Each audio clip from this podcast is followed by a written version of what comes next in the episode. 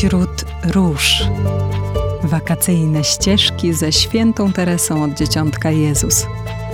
Zapraszają siostry Terezjanki i Weronika Ostrowska.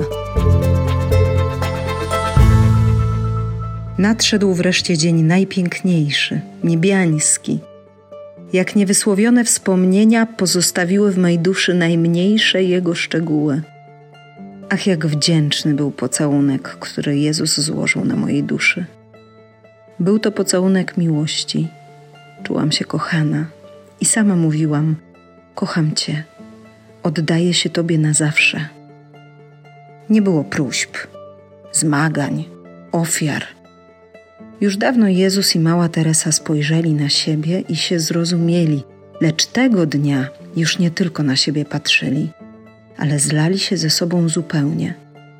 Przestało ich być dwoje Teresa zniknęła niczym kropla wody gubiąca się w oceanie. Był tylko Jezus, mistrz, król. Rozpoczynamy kolejny tydzień naszych spotkań ze świętą Teresą od Dzieciątka Jezus i ponownie siedzimy w ogrodzie, tym razem e, na takich bardzo wygodnych krzesłach, pod stopami zielona trawka. My się tutaj schowałyśmy trochę w takim większym gąszczu, żeby nam było bardzo przyjemnie. Jest ze mną siostra Franciszka ze Zgromadzenia Sióstr Świętej Teresy od Dzieciątka Jezus, a jesteśmy w ogrodzie w Podkowie Leśnej. Szczęść Boże! Szczęść Boże! Słyszeliśmy przed chwilą przepiękny opis doświadczenia świętej Teresy od Dzieciątka Jezus, opis jej pierwszej komunii świętej. I jak ja słyszę te słowa, to zastanawiam się, dlaczego nie każdy z nas tak ma, że Pana Jezusa możemy codziennie przyjmować w komunii świętej, możemy pójść na mszę, w jej czasach to nie było możliwe, ale nie mamy takich doświadczeń na co dzień, o których ona pisze, że Komunia Święta to jest pocałunek Pana Jezusa. No, Teresa od dziecka, no, wiemy już o tym, e, jaki klimat był w jej rodzinie. E, oni wszystkie święta kościelne i wszystkie modlitwy celebrowali rodzinnie, więc ona wzrastając w takim klimacie też ta jej intuicja dziecięca rozwijała się w taką stronę przekonania o tym, że Jezus rzeczywiście jest żywy i prawdziwie obecny, nie tylko pod postaciami eucharystycznymi, ale też wszędzie tam, gdzie zaczynamy myśleć o Bogu. Też taka charakteryzowała ją mm, już od, od maleńkości ta delikatność i duża wrażliwość na te sprawy Boże. Tak jak pani powiedziała, w czasach Teresy, już jak ona przyjmowała komunię świętą, no to nie było tak powszechne jak teraz, że po prostu idziemy do kościoła, nawet możemy dwa razy dziennie przystąpić do komunii, tylko trzeba było mieć specjalne pozwolenie spowiednika do częstej komunii świętej, nawet nie codziennej, tylko do częstej, a w przypadku dziecka, no to wręcz, że za każdym razem, kiedy chciała przystąpić do Komunii Świętej, no to musiała mieć każdorazowe pozwolenie. I ona niesamowicie za tym tęskniła. Może właśnie dlatego. A siostra pamięta swoją pierwszą komunię świętą? Tak, pamiętam. To było już jakiś czas temu. Pamiętam, że mieliśmy przygotowania właśnie w takim kościele, który się dopiero budował. W jakimś, to było tam przez takie krzaki trzeba było przejść, bo z, blo z bloku mm, przechodziłam, nie naokoło oczywiście, tylko żeśmy taką grupką sobie przez te krzaczki się przeciskali. I wiem, że było malowniczo, zielono, było dużo ludzi w kościele, była długa, długa ławka. No i później, jak szliśmy, akurat wtedy przystępowaliśmy tak, że przystępowali z nami opiekunowie, więc to strasznie długo trwało. No i tyle pamiętam z tego konkretnie dnia. I wiem, że bardzo się niecierpliwiłam i czekałam, aż w końcu będę mogła tam podejść. A z drugiej strony przerażało mnie też, że ta ławka jest taka długa i że nas jest tak dużo i czy ja zdążę. Siostro, ten opis bardzo mi pasuje do tego, jak my często dzisiaj przeżywamy Komunię Świętą, bo nie oszukujmy się, często bywa tak, że do Komunii Świętej przystępujemy raz w tygodniu podczas niedzielnej mszy świętej i dzieje się to trochę z biegu przystępujemy, bierzemy Pana Jezusa, chwilę się pomodlimy i potem zapominamy, że On jest w naszym sercu. Tak. Teresa właśnie też jeszcze cofnę się do tego czasu jej dzieciństwa, bo za chwilę będę chciała nawiązać już do, do, do tego, jak była karmelitanką, ale jeszcze właśnie przy tej pierwszej komunii ona cztery lata wcześniej już, jej jedna ze, ze starszych sióstr przystępowała do komunii i ona też opisuje ten dzień jako największe święto, jakoby sama już przystępowała, więc ona to, to oczekiwanie miała tak mocno, mocno w sobie i też świadomość taką, że kiedy przyjmuję Pana Jezusa, kiedy przyjmuję tą komunię, to jednoczę się w tym momencie z całym Kościołem, ze wszystkimi osobami w Kościele, ze wszystkimi wierzącymi, bo wchodzę jakby w tą jedność, no nie jakby, wchodzę w tą jedność z Jezusem i z Nim jestem. I też w tym dniu Komunii Świętej to było dla niej ważne, bo jej siostra starsza Paulina, która przez pewien czas y, traktowała ją po śmierci mamy jako swoją drugą mamę, y, tego samego dnia y, składała w Karmelu swoje pierwsze śluby i Teresa to tak bardzo przeżyła, że z jednej strony przeżywała to, że nie może być w tym Karmelu, ale z drugiej strony ta świadomość, że one w tym samym momencie przyjmą Jezusa, to tak jak one by były razem, jakby było jedno. To jest też ta siła komunii, o której my często zapominamy, że to tworzy tą jedność Kościoła. Pomimo tego, że on czasem jest rozproszony, że są jakieś trudności, że są mury, kraty, odległości, to w momencie, kiedy przyjmuje tego Jezusa, przestają być te dystanse takie odległe. Po prostu on jest tu i teraz ze mną i we mnie. I Teresa też w pewnym momencie, no, nawiązując też do, do, do tej, nawołując i zachęcając i przypominając o tym, że przyjmowanie Jezusa w Eucharystii jest ważne, mówi takie słowa. Jezus nie po to zstępuje codziennie z nieba, aby pozostać w złotym cyborium, lecz aby znaleźć inne niebo, stokroć mu droższe. Co to za niebo? Niebo naszej duszy, żywą świątynię uwielbionej Trójcy – i dla mnie to jest takie, Teresa tutaj woła dla, do nas, zatrzymaj się, halo, może to jest jakiś apel, wskazówka? Dla nas na tu i teraz, ja osobiście za każdym razem, kiedy czytam, widzę to zdanie, to gdzieś tam w środku odbija się ono we mnie takim pytaniem, jaka jest moja tęsknota za Jezusem Eucharystycznym, jaka jest moja rzeczywista świadomość tego, że On jest tu obecny, ciągle tu i teraz.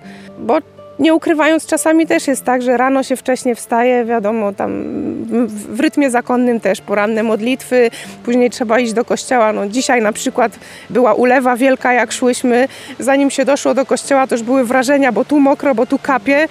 No i ta Eucharystia i teraz zatrzymać się tak naprawdę w tym spotkaniu i uwielbić Pana Boga w tym, że On do mnie przychodzi, no czasami też jest trudne trudne, ale o to apeluje dzisiaj święta Teresa od Dzieciątka Jezus, żebyśmy się zatrzymali i przyjęli ten niezwykły pocałunek od samego Jezusa. I to jest ważne też, co, co siostra powiedziała o tym, że to jest moment zjednoczenia z całym Kościołem. Nie mamy na co dzień tej świadomości. Bardzo serdecznie dziękuję za to spotkanie. No i zachęcamy Was, drodzy słuchacze, do tego, żeby Komunię Świętą jak najczęściej przyjmować.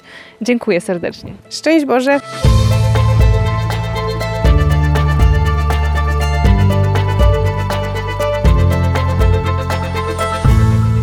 Pouczona o wszystkim, co miałam mówić i czynić, podeszłam do konfesjonału i uklękłam. Ksiądz Dusillier, otwierając okienko, nie ujrzał jednak nikogo, byłam bowiem tak mała, że moja głowa znajdowała się niżej podpórki. Powiedział mi więc, bym spowiadała się na stojąco. Posłuchałam natychmiast i stając naprzeciw niego, tak aby dobrze go widzieć, wyspowiadałam się jak dorosła dziewczyna. W wielkim skupieniu przyjęłam błogosławieństwo. Wszak powiedziałaś mi wcześniej, że w tej właśnie chwili łzy małego Jezusa obmyją mi duszę. Pamiętam, że pierwsze pouczenie, jakie otrzymałam na spowiedzi, zachęcało mnie przede wszystkim do nabożeństwa do Najświętszej Panny. Obiecałam sobie, że okażę jej wzmożoną serdeczność. Kiedy odeszłam od konfesjonału, było mi tak radośnie i lekko, że nigdy dotąd nie czułam tyle radości. Odtąd przystępowałam do spowiedzi z okazji wszystkich wielkich świąt, a i dla mnie za każdym razem było to prawdziwe święto. Wiatru dzisiaj trochę więcej, odrobinę mniej słońca, trochę więcej chmur na niebie. I może te chmury dlatego, że nasze dzisiejsze spotkanie ze świętą Teresą od Dzieciątka Jezus w temacie nie najłatwiejszym dla nas wszystkich, a jest z nami siostra Franciszka ze Zgromadzenia Sióstr Świętej Teresy od Dzieciątka Jezus. Szczęść Boże! Szczęść Boże! Siostro, czy można do księdza w konfesjonale powiedzieć kocham cię. E, święta Teresa miała taki pomysł. Święta Teresa, przygotowując się do pierwszej spowiedzi, rozmawiając o tym ze swoją siostrą, zapytała ją, czy by to nie było jakimś nietaktem, gdyby do księdza powiedziała kocham cię, bo dla niej było to oczywiste, że to kocham cię będzie wypowiedziane do Jezusa, w imieniu którego ksiądz siedzi w konfesjonale i słucha spowiedzi.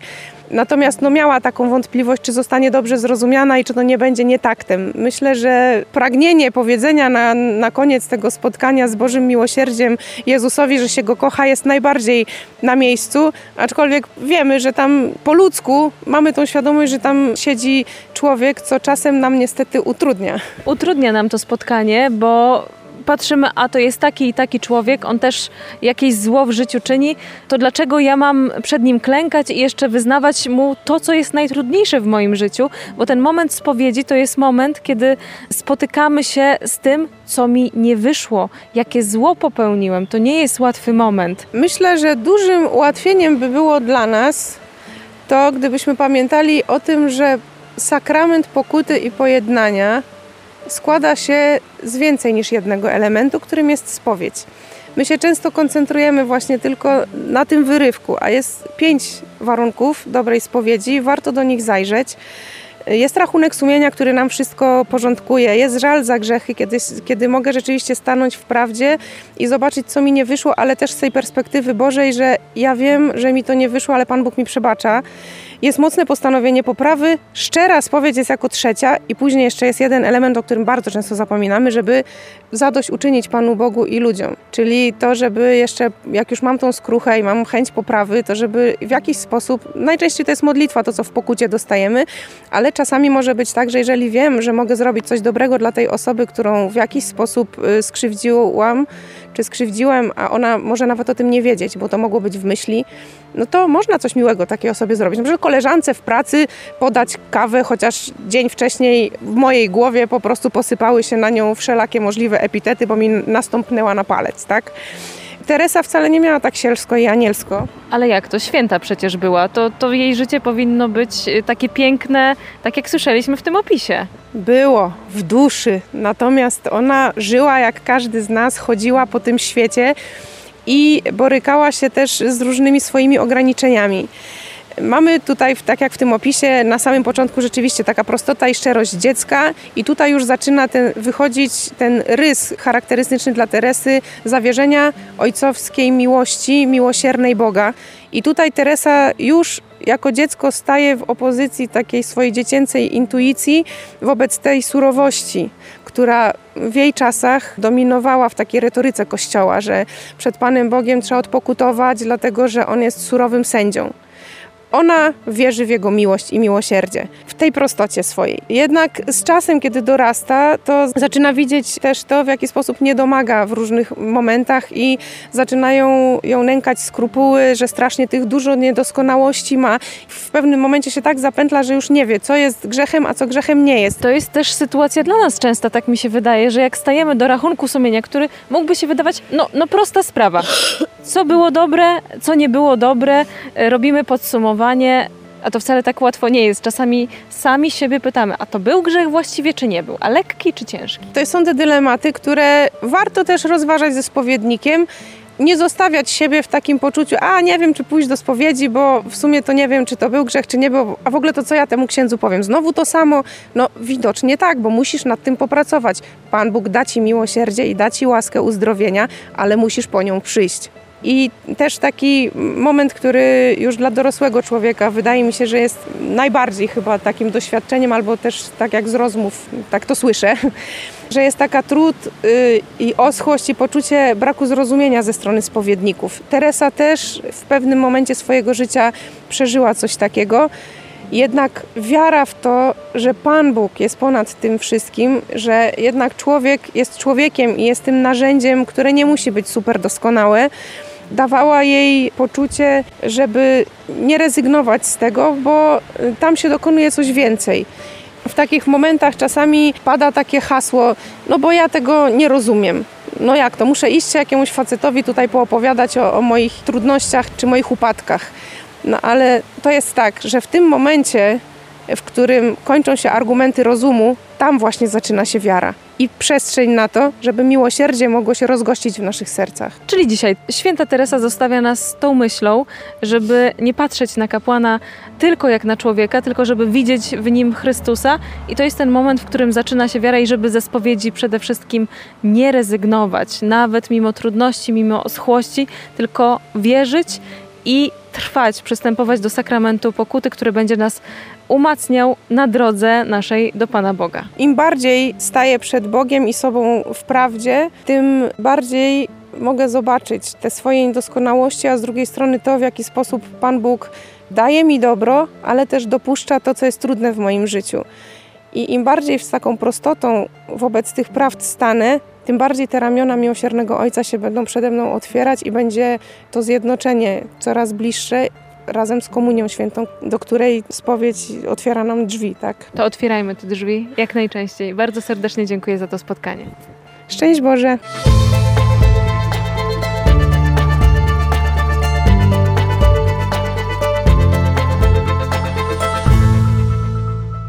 Bardzo starannie przygotowywałam się do wizyty Ducha Świętego i nie rozumiałam, dlaczego nie przykłada się więcej wagi do przyjęcia tego sakramentu miłości. Ach, jakże byłam radosna.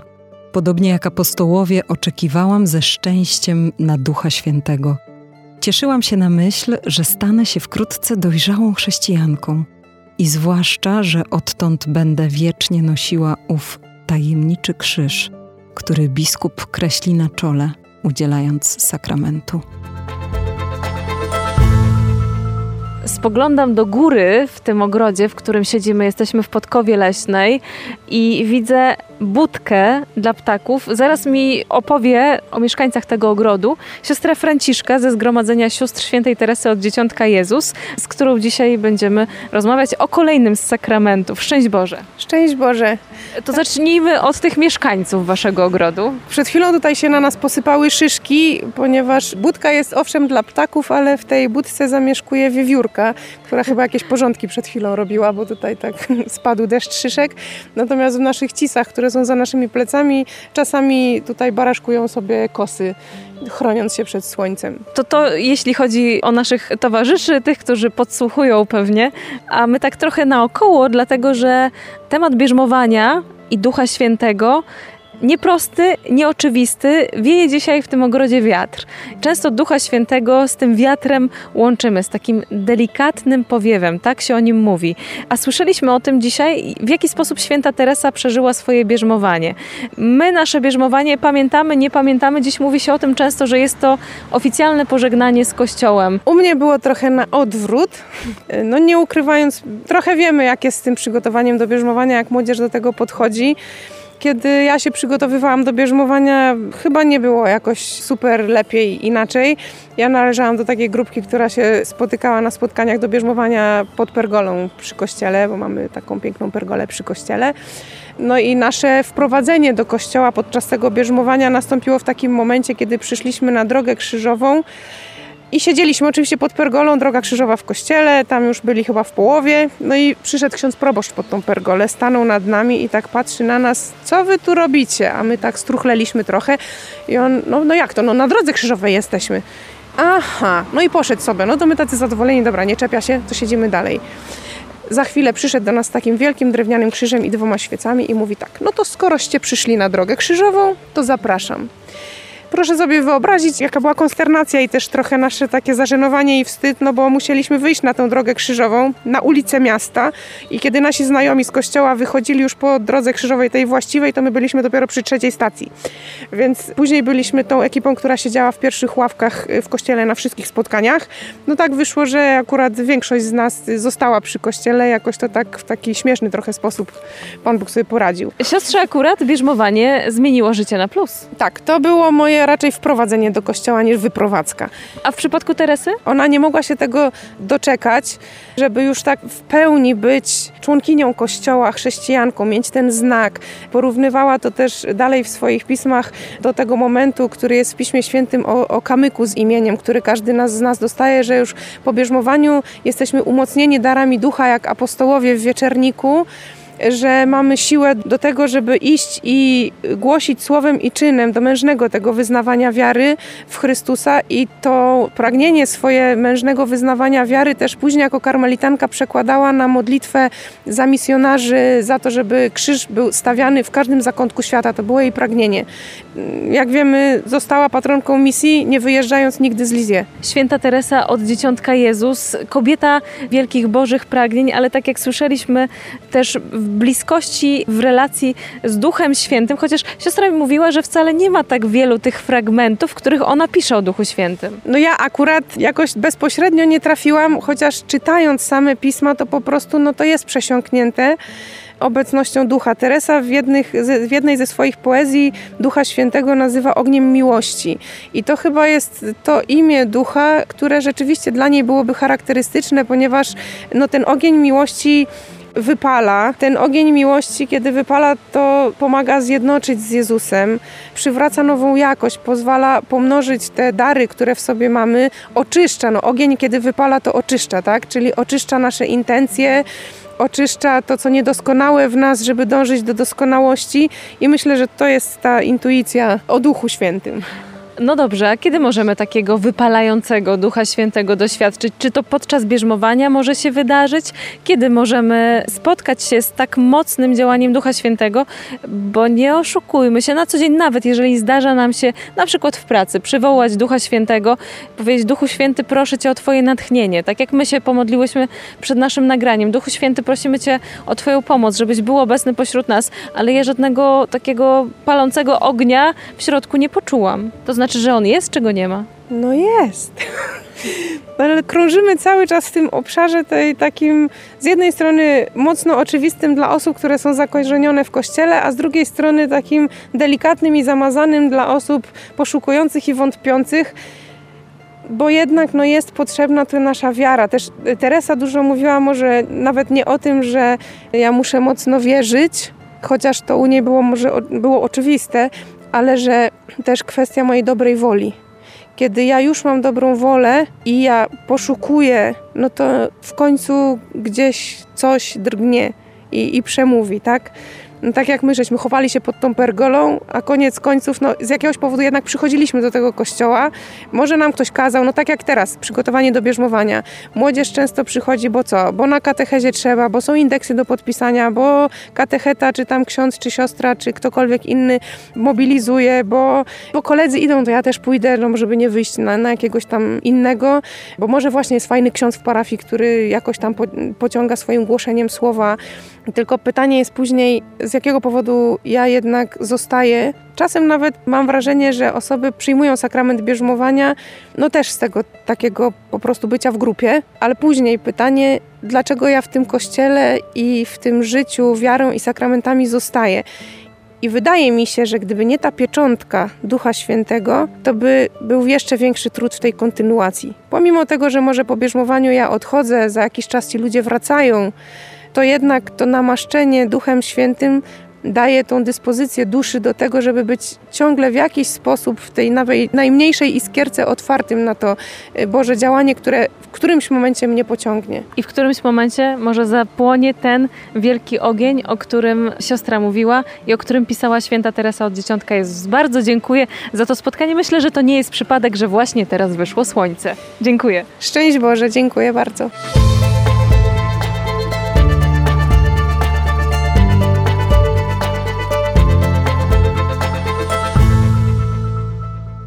Pewnej niedzieli, kiedy patrzyłam na obraz naszego Pana na krzyżu, uderzyła mnie krew spływająca z jednej z jego boskich dłoni. Zasmuciłam się bardzo na myśl, że ta krew spada na ziemię i nikt się nie kwapi, aby ją przyjąć. Postanowiłam, że będę trwać w duchu u stóp krzyża, by przyjmować tę boską rosę ze świadomością, że trzeba później rozleć ją na dusze grzeszników. Słyszałam też nieustannie krzyk Jezusa na krzyżu: Pragnę. To słowo rozpaliło we mnie nieznany i gwałtowny żar. Chciałam dać pić mojemu ukochanemu i sama czułam, że trawi mnie pragnienie dusz. Przyciągały mnie wówczas dusze wielkich grzeszników. Płonęłam pragnieniem, by ich wyrwać z wiekuistego ognia. Na nas teraz pada słońce, nie pali nas aż tak mocno, jest bardzo przyjemnie. Wieje wiatr w ogrodzie w Podkowie Leśnej. Jest ze mną siostra Franciszka ze Zgromadzenia Sióstr Świętej Teresy od Dzieciątka Jezus. Szczęść Boże. Szczęść Boże. Słyszeliśmy o tym wielkim pragnieniu świętej Teresy, które zaszczepił w niej Pan Jezus, żeby modlić się za duszę. Ale to nie było tak, że ona od początku, od urodzenia to pragnienie w sobie miała, bo była dzieckiem bardzo mocno skupionym na sobie i był taki jeden wieczór świąteczny, Boże Narodzenie, który odmienił jej życie, kiedy Jezus jej pokazał, idziesz złą drogą, trzeba to zmienić. Takie spektakularne nawrócenie, jak Teresa sama to w swoich pismach nazywa, miało miejsce, kiedy ona miała 10 lat i Zwyczajem rodzina była na pasterce i po pasterce wrócili do domu i zazwyczaj na dzieci na kominku czekały prezenty.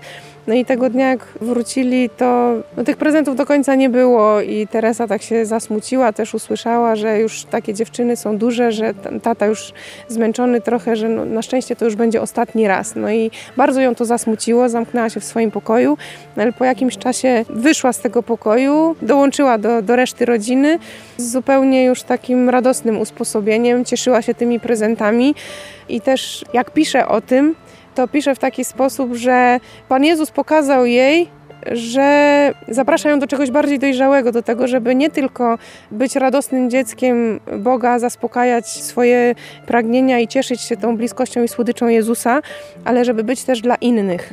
To jest ten moment, kiedy Teresa za kilka chwil po raz pierwszy zostanie mamą tak, można tak powiedzieć. Idąc głębiej i dalej w tym swoim pragnieniu bycia dla innych, Teresa rozpoznaje, tak jak zresztą w tym cytacie, który słyszeliśmy, były te słowa, by pracować dla nawrócenia grzeszników. I to się staje takim jej rysem i taką intuicją. I żeby to sprawdzić, czy rzeczywiście to jest jakieś natchnienie od Pana Boga i upewnić się, że ma iść w tym kierunku i że to właśnie jest zaproszenie dla niej do takiej szczególnej modlitwy za grzeszników i za te dusze, żeby się nie zatracały, tylko żeby jak najwięcej dusz było zbawionych. Teresa gdzieś tam ukradkiem w gazecie, w, w, dzien, w, no, w takim dzienniku, wyczytuje informację o tym, że pewien człowiek, który był znany i poważany w sferach towarzyskich Paryża o nazwisku Paranzini, dopuścił się morderstwa trzech osób i w związku z tym został skazany na karę śmierci, gilotynę. No i że no, z Panem Bogiem nie jest mu po drodze, jest raczej niewierzący i sceptycznie nastawiony mm, do wiary. Trzeba zwrócić tu uwagę, że Teresa musiała to wykopać ukradkiem, ponieważ u niej w domu nie pozwalano dzieciom czytać gazet, które na co dzień czytali dorośli, czyli takich dzienników, w których sprawy były poruszane różne światowe i polityczne. Więc ona to po prostu gdzieś tam cichaczem sobie wyczytała, no ale wiadomo, różne rzeczy robimy w tajemnicy przed rodzicami. Nie. I Teresa postanowiła, że w, tym kluczu właśnie, że to zbawienie duszy jest tak ważne, co też jest takie ciekawe i poruszające, że dziecko w wieku 10 lat miało w sobie taką intuicję, że zbawienie duszy to jest po prostu coś mega ważnego i najważniejszego wręcz że nie ma nic istotniejszego dla naszego życia, a, raczej właśnie tego już życia po śmierci. I zaczęła się intensywnie modlić. Tak, zaczęła się intensywnie modlić, do tego stopnia się zaangażowała w to ratowanie duszy Pranziniego, że ze swoich oszczędności zamówiła mszę świętą w jego intencji i też na ile mogła jako dziecko składała różne małe ofiary, rezygnując z jakichś małych przyjemności swoich, tyle mogła. No i oczywiście gorliwa codzienna modlitwa modlitwa i dostała odpowiedź od Pana Boga. Którymś razem znowu ukradkiem, y, wyciągając y, tacie gazetę, przeczytała, że podczas egzekucji, kiedy Pranzini był już wprowadzony na szafot, już za chwilę miała się dokonać jego kara śmierci, poprosił obecnego tam przy, przy tej egzekucji księdza o to, żeby podał mu krzyż i go kilkukrotnie tak bardzo z namaszczeniem ucałował. Dla Teresy to był znak, że ta jej intuicja to jest coś rzeczywiście nie, że ona sobie to wymyśliła, tylko że Pan Bóg ją zaprasza do tego, żeby współuczestniczyła i pomagała na ile może tymi swoimi drobnymi ofiarami zbawianiu dusz. To jest także dla nas zaproszenie dzisiaj od świętej Teresy, od Pana Boga, żeby wierzyć w to, że modlitwa ma ogromny sens. My często modlimy się, rodzice się modlą za swoje dzieci o nawrócenie. Czasami dzieci modlą się o nawrócenie swoich rodziców, modlimy się o nawrócenie znajomych, modlimy się o to, o tamto, ale często w tę moc modlitwy nie wierzymy, chcemy działać. A Teresa pokazuje nam i Pan Bóg nam pokazuje, że modlitwa, nawet za kogoś, kogo zupełnie nie znamy, może przemienić serce i doprowadzić do tego najważniejszego momentu, czyli zbawienia. I tego Pan Bóg pragnie dla każdego z nas, więc ta troska o innych, kiedy tak jak u Teresy, no ona była świętą, tak? Święta Teresa. Widzimy to, jak ona w tym wzrastała i jakby no, dla niej było jasne to, że Pan Bóg jest, że On jej wysłuchuje, chociaż czasami jak tutaj widzimy, miała jakąś wątpliwość, którą potrzebowała sprawdzić. To trwanie przy tym, kiedy my wzrastamy, kiedy my przybliżamy się do Pana Boga, kiedy wsłuchujemy się w swoje serce i w to, co On do nas mówi i co zasiewa w tym sercu, wtedy też ci, którzy są wokół nas, z tego korzystają. Dlatego, że cała atmosfera zaczyna wokół nas być Boża. I takiej atmosfery nie tylko w tym ogrodzie byśmy sobie na co dzień życzyli, a więc zachęcamy i siebie, i Was, drodzy słuchacze, do tego, żeby modlić się z wiarą, że ta modlitwa zostanie wysłuchana. Dziękuję serdecznie za dzisiejsze spotkanie w blaskach promieni słońca. Szczęść Boże!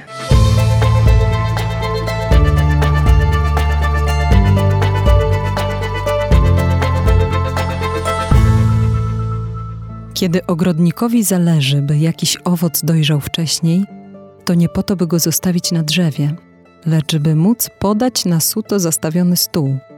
Z podobnym zamiarem Jezus obsypywał łaskami swój mały kwiat.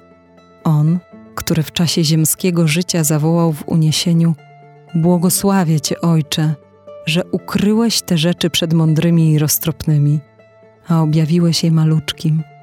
Chciałby zajaśniało we mnie Jego miłosierdzie, a ponieważ byłam mała i słaba, pochylał się nade mną i w ukryciu pouczał o sprawach miłości. Świeci dzisiaj na nas to słońce i tak chyba się troszeczkę opalamy. Wakacje w końcu są. Na wakacyjnych ścieżkach ze świętą Teresą od Dzieciątka Jezus i nasze kolejne spotkanie z siostrą Franciszką ze Zgromadzenia Sióstr Świętej Teresy od Dzieciątka Jezus. Szczęść Boże! Szczęść Boże! Patrzę na słońce i myślę o powołaniu Świętej Teresy. W życiu każdego z nas przychodzi taki moment, kiedy decydujemy się na pewną drogę, szukamy tego miejsca, do którego Pan Bóg nas powołuje ale czy to jest tak, bo czasami sobie tak to wyobrażamy, że to powołanie przychodzi jako takie wielkie światło, tak jak to słońce teraz na nas świeci, jak grom z jasnego nieba i już wszystko człowiek wie? No niestety nie jest to takie łatwe. Jest tak, że owszem, mamy poruszenia, jakieś intuicje, coś nas pociąga, coś nam się podoba. Zazwyczaj powołanie, zwłaszcza w rozmowach z siostrami zakonnymi, kojarzy się z powołaniem do zakonu. Ale to nie tak do końca. Nie? Nie? Nie? No, no nie, nie, nie, to, to zakon wszystkiego nie wyjaśnia? Nie, nie, zakon wszystkiego nie wyjaśnia, aczkolwiek wyjaśnia wiele. Powołanie dla mnie i w moim rozumieniu też to jest coś więcej. Z jednej strony powołanie życiowe, czyli to, co odkrywamy, tak, może to być zakon, może to być małżeństwo, może to być życie samotne. Pan Bóg pokazuje nam te ścieżki, w którąś stronę gdzieś idziemy, ale też powołaniem może być zawód, który będziemy wykonywać.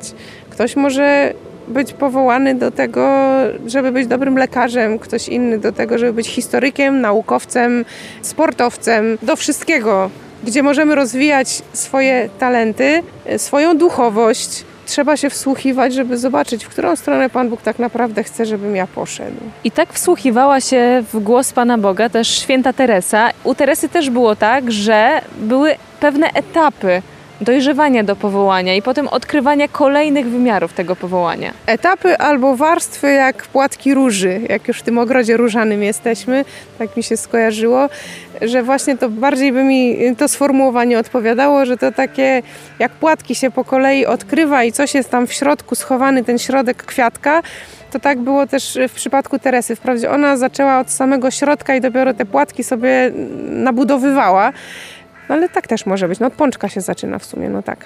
Więc takim jej pragnieniem już jako dziecka, wyrażonym gdzieś w rozmowach ze starszą siostrą, jako dziewięciolatki, było stwierdzenie, że czuje w sercu takie wielkie pragnienie, że chciałaby zostać pustelnikiem i udać się na daleką pustynię, by być tam całkiem oddana Bogu. To była ta pierwsza myśl, którą Pan Bóg gdzieś zasiał w jej sercu, to, to, to ziarenko, które później rozwijało się i, i kiełkowało. I z tego kiełka właśnie wyrosła później ta róża z tymi płatkami. Pewnie w sercach tych, którzy są powołani do małżeństwa, zaczyna kiełkować taka myśl: chciałbym mieć rodzinę. Marzę o rodzinie, marzę o dzieciach. No tak jak u mamy świętej Teresy, było to pragnienie, że chciała być matką wielu dzieci z jednej strony żoną, która będzie dobra dla swojego męża i że będą dobrą, dobre małżeństwo tworzyć, ale też miała to pragnienie, żeby być matką wielu dzieci i odpowiedziała na to, tak? W końcu Teresa była dziewiątym dzieckiem Zeli. No dobrze, no i Teresa zrozumiała, że ta droga jej to jest droga Karmelu. Siostro, czy to jest tak, że jak już, czy wchodzimy na drogę małżeńską, czy wybieramy tę drogę samotności, czy wybieramy też drogę zakonną, tak jak siostra to wybrała, to, to znaczy, że my już wtedy wszystko wiemy, już Pan Bóg nam wszystko powiedział, czy możemy szukać dalej tych różnych Bożych natchnień? No jak najbardziej należy szukać dalej Bożych natchnień, bo jak stwierdzimy, dobra, zostanę sobie siostrą, jakby Teresa stwierdziła, dobra, no to pójdę na tą pustynię. No w sumie w rozmowach u niej w domu, kiedy Paulina wstępowała do Karmelu, pojawiał się często ten temat i to w jaki sposób siostry karmelitanki żyją. I Teresa rozpoznała wtedy w swoim sercu, że tak, życie karmelitanki to jest ta pustynia, o której ja myślę i której ja pragnę.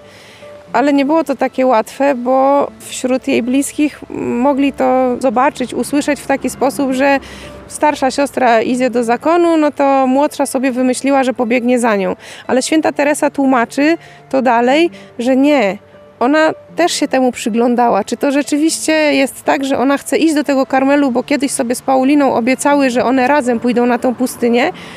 Czy dlaczego ona w ogóle chce iść do tego Karmelu. I ona rozpoznała w sercu, że to jest jej powołanie. Ona chce tam iść, by być wyłącznie dla Jezusa i z Jezusem. I że to jest ta pustynia, na którą ona chce iść, by być tam z Bogiem. I później na tej pustyni też pojawiają się te kolejne natchnienia, o których mówiliśmy. Pan Bóg wzywa ją do modlitwy za grzeszników, wzywa ją też do modlitwy za kapłanów, a dla nas to jest też ta lekcja, że nawet jak jesteśmy na przykład żoną, mężem, jak wstępujemy do zgromadzenia, to też na tej naszej drodze może się pojawić te kolejne warstwy naszej róży które Pan Bóg dodaje i powinniśmy być na nie otwarci. Jak najbardziej też w tych warstwach i w tych powołaniach w powołaniu może tak, bo też jest tak, że no ja na przykład jestem siostrą Terezjanką, ale jestem też wychowawcą w świetlicy szkolnej.